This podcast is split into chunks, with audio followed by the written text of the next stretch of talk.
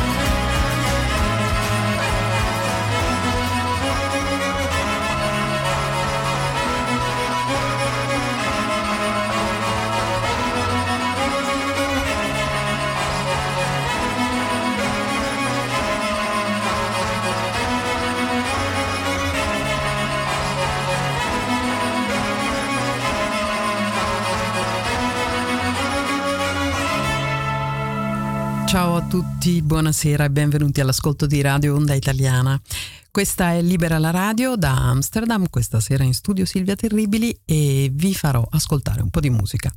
È musica estiva, abbiamo iniziato con i Virginiana Miller, tutti al mare, continuiamo con un grande che abbiamo purtroppo perso da poco, eh, ma la sua musica e tutto quello che, che ci ha lasciato resterà eh, negli anni, ha segnato una pietra miliare nella storia della musica pop italiana, Franco Battiato, eh, si è occupato un po' di tutto. Un, un, artista quindi a tutto tondo che ha spaziato in tantissimi campi eh, dello scibile umano e in particolare negli ultimi anni si era, al, ehm, si era dedicato al sufismo, quindi allo studio di questa eh, disciplina filosofica. E nel, in una intervista che io ho avuto il piacere, piacere di potergli fare eh, qualche anno fa, quando venne in Olanda per un concerto, e mi ha parlato proprio di questo, di, questa, di questo studio e poi mi ha detto io dovrei andare a perfezionarmi in Tunisia, però poi alla fine ho fatto un disco. Franco Battiato, Le aquile non volano a stormi.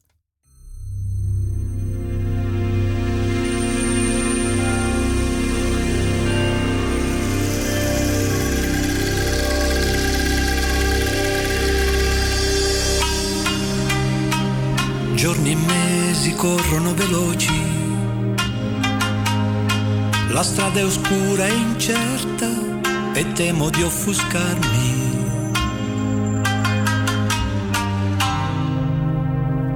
Non prestare orecchio alle menzogne, non farti soffocare dai maligni, non ti nutrire di invidie e gelosie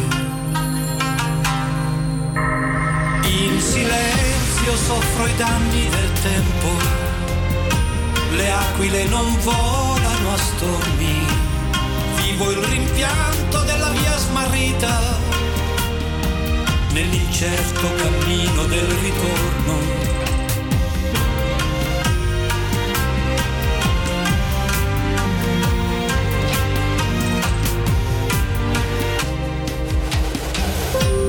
Seguo la guida degli antichi saggi, mi affido al cuore ed attraverso il male. A chi confessi i tuoi segreti, ferito al mattino, a sera offeso. Salta su un cavallo alato, prima che l'incostanza offuschi lo splendore. In silenzio soffro i danni del tempo, le aquile non volano a stormi, vivo il rimpianto della via smarrita, nell'incerto cammino del ritorno.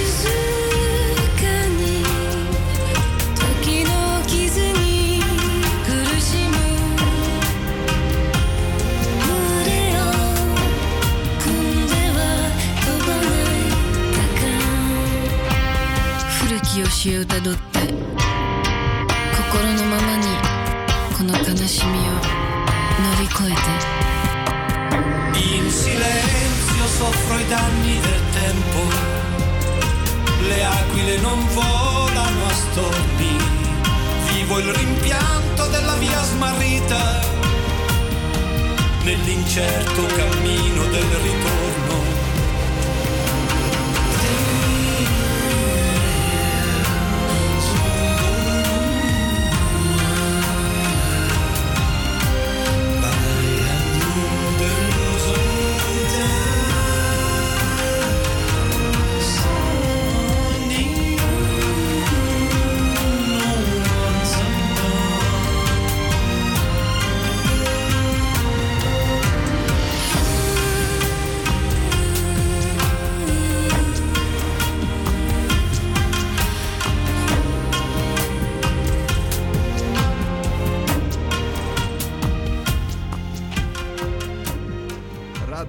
Italiana vi invita all'ascolto di Libera la radio.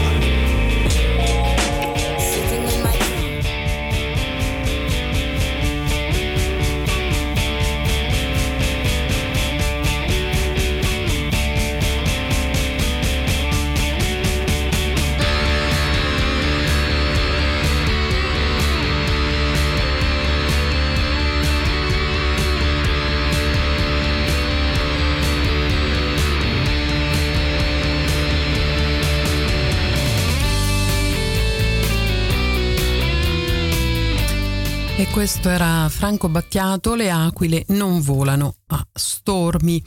E prima delle vacanze estive io ho, ho fatto un'intervista a Franco Fracassi, è un'intervista che poi ho mandato qui in radio in due puntate diverse, è possibile riascoltarla sul sito di Radio Salto, di Staz FM, e, l'intervista verteva sul libro che Franco Fracassi, un giornalista d'inchiesta, ha scritto su Wuhan. Il libro si intitola I misteri di Wuhan. Il sottotitolo è La CIA, la Casa Bianca e l'ombra di Wall Street, chi si cela dietro al laboratorio P4 sospettato di essere l'untore del mondo.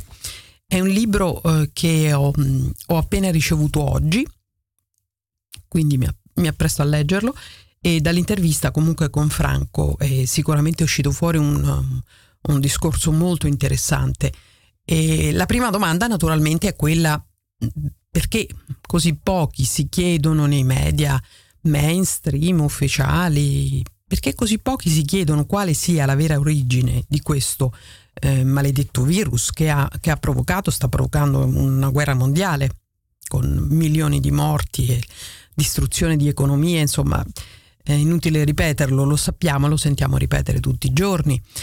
Mm, Pochi si preoccupano di capire qual è l'origine di questo male.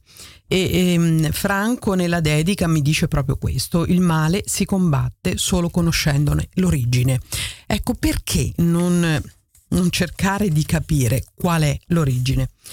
Eh, il libro eh, contiene una bibliografia di fonti, 22 pagine di fonti autentiche, fonti ufficiali, quindi non eh, siti terrapiattisti o, o complottisti. Un libro quindi che contiene moltissime informazioni interessanti e che eh, dovrebbe essere letto comunque e ci si, ci si dovrebbe ragionare sopra, secondo me a livello mondiale. Purtroppo questo non sta avvenendo. Io posso solo invitare alla lettura perché poi si può leggere un libro, lo si può criticare, ma eh, perlomeno bisogna eh, prendere atto di quello che dice. Eh, adesso mm, leggo molto brevemente i titoli dei capitoli. Eh, il primo capitolo è La morte arriva nel luogo delle ombre. Il secondo è lo stesso incidente, l'inizio della fine. Terzo capitolo, c'è chi gioca a fare Dio strano, no? Che in questo mondo in cui praticamente Dio mm, non esiste più, qualcuno pensa di potersi arrogare il diritto di giocare a fare Dio. Capitolo quarto, La bufala del pangolino e del mercato. Questo è un titolo abbastanza eloquente. E poi vediamo il quinto, capitolo quinto, Gli scienziati. Capitolo sesto, Dietro le quinte. Capitolo settimo, la rete della guerra e della morte. E poi veniamo alla postfazione. Io posso solo invitare alla lettura I misteri di Wuhan, Franco Fracassi, basta semplicemente scrivere una, una mail a Franco Fracassi e, e ordinarlo. Così, se vogliamo, se riteniamo importante sapere quale sia l'origine del virus, del resto sembra che ora anche il presidente americano um, stia svolgendo un'indagine approfondita, eh, ha promesso di dare dei risultati entro la fine di agosto, quindi non è una domanda irrilevante direi. Passiamo a qualcosa di più leggero forse, chissà, con la pesce di Martino Ornella Vanoni, questo è Toy Boy.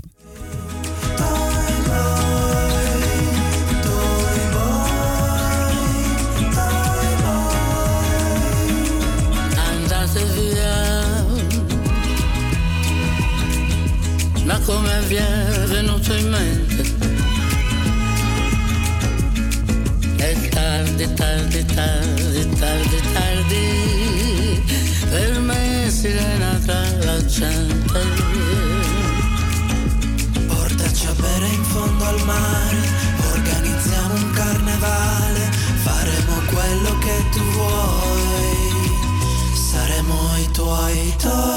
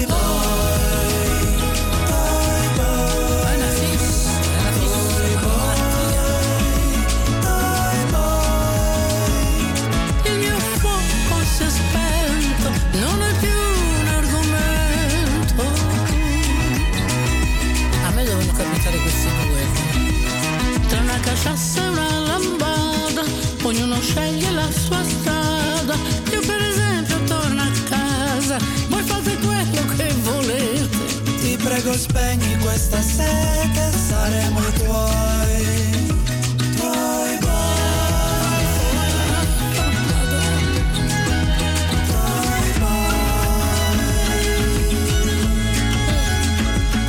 Ma provate a ritornare, qualche cosa magari si può fare.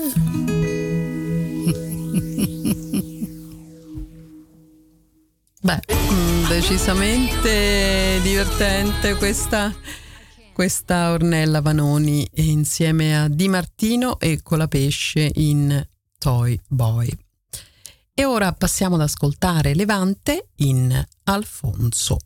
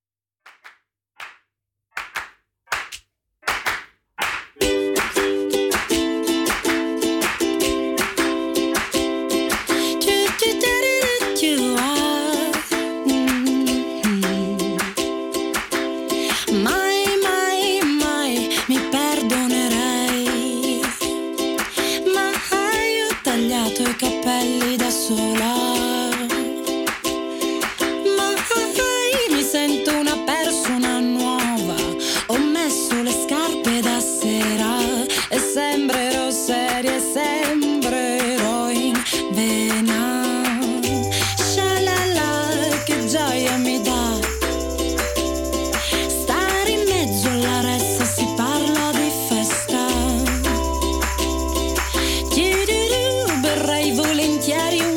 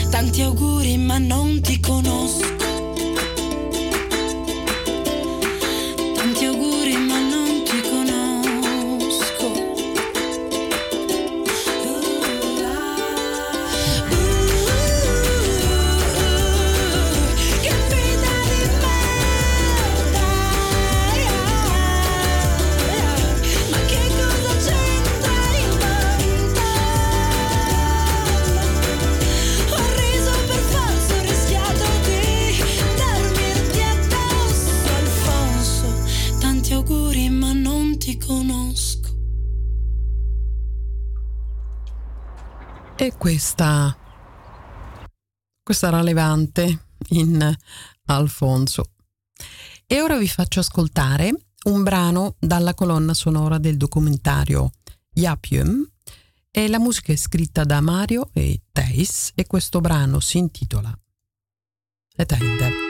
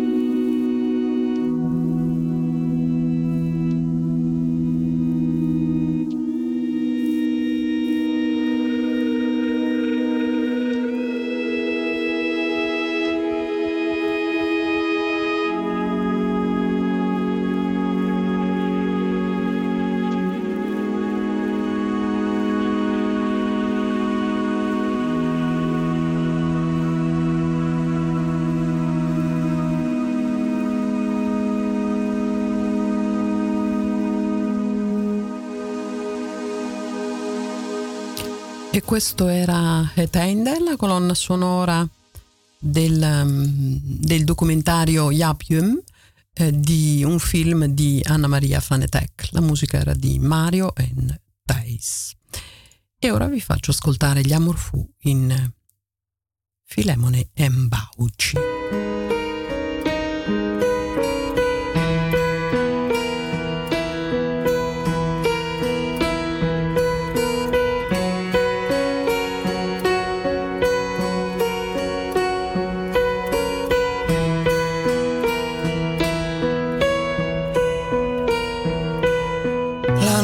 grande tradizione repubblicana.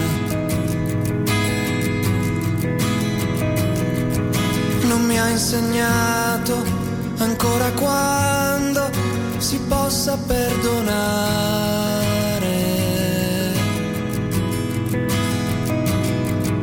La nostra grande fede nei tramonti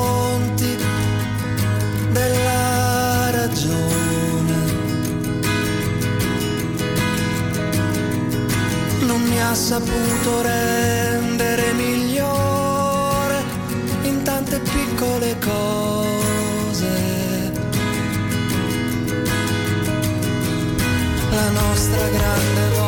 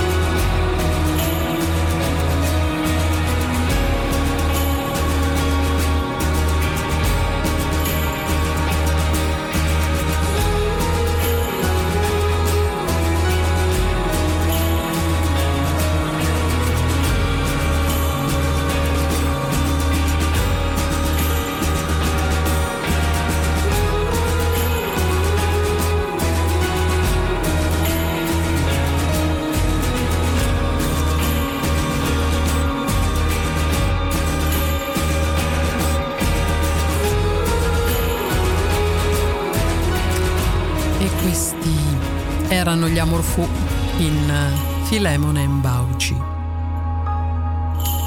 E ora vi faccio ascoltare invece le luci della centrale elettrica. Vasco Brondi, questo brano si intitola Iperconnessi.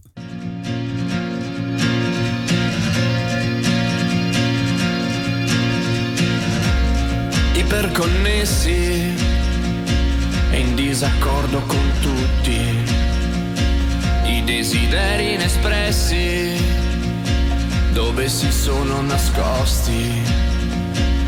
Vanno bene i progressi, ma tu come ti senti?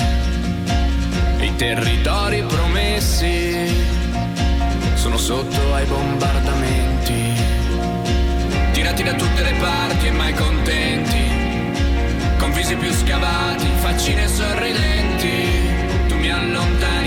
cerchi. Tu mi allontani, dallo schermo provi a sporgerti. I tuoi vent'anni. Commenti feroci, polsi sempre appoggiati. Alla fine sono passati, abbastanza inosservati.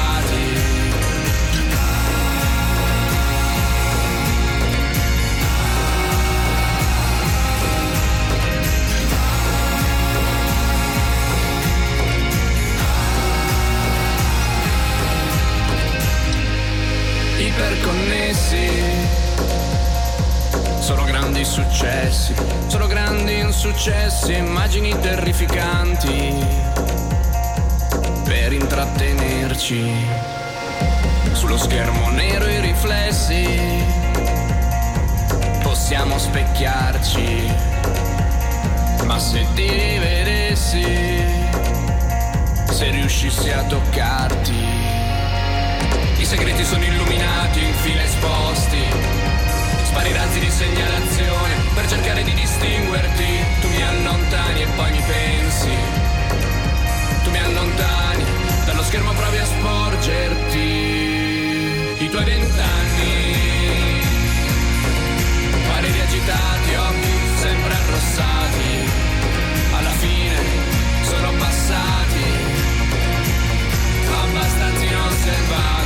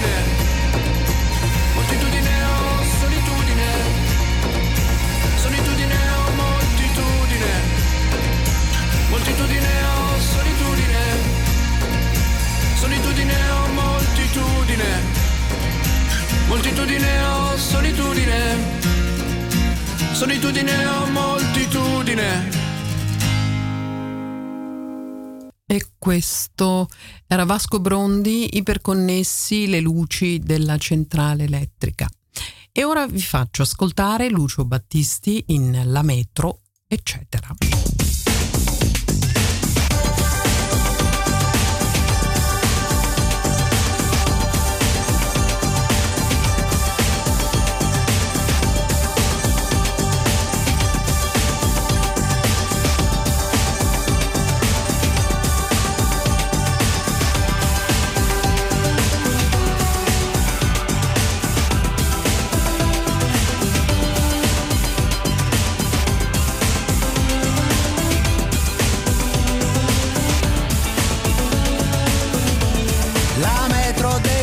Riflessi, gli sguardi verso il vetro, gli appositi sostegni verticali.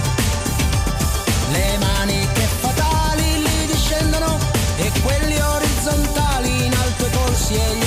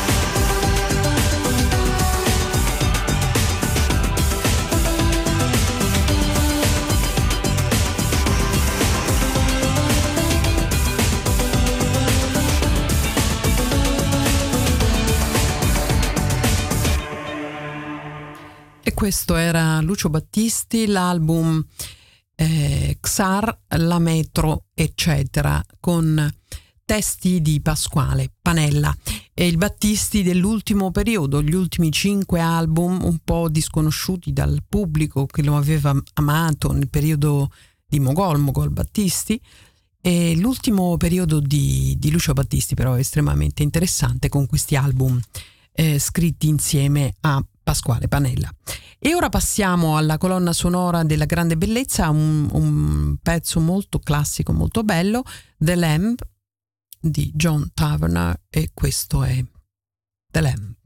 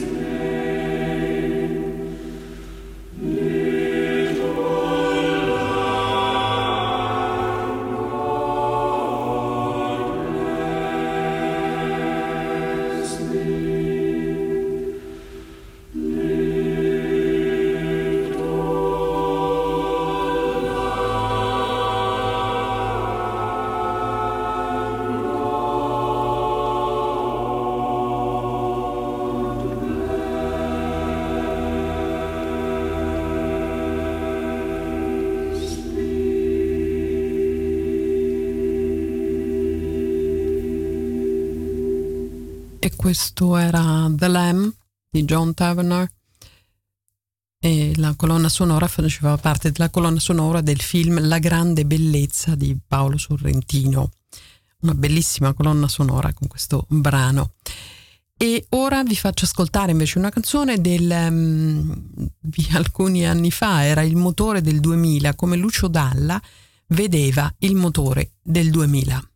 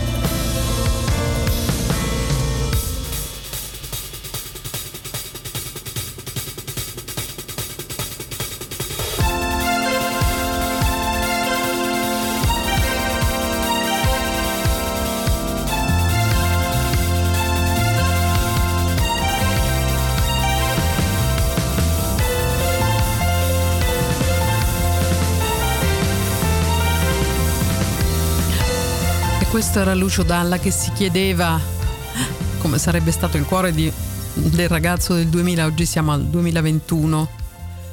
Ma che cosa, che cosa ne sappiamo? E anche per quello che riguarda i motori, ancora c'è moltissima strada da fare prima di avere dei motori veramente puliti che si possano respirare. Come dice Dalla, un bambino, una bambina ascoltando Libera la.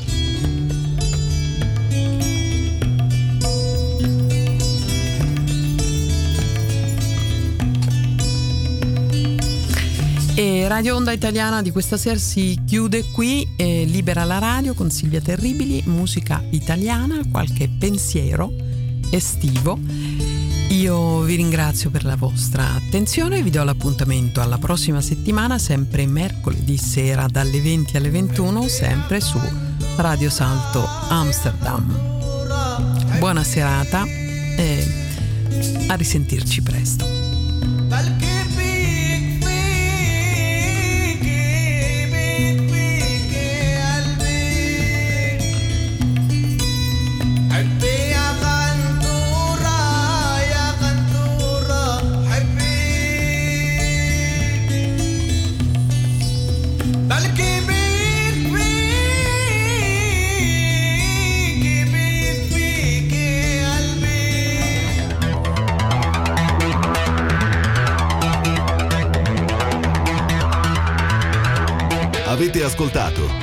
Libera la radio, a cura di Silvia Terribili.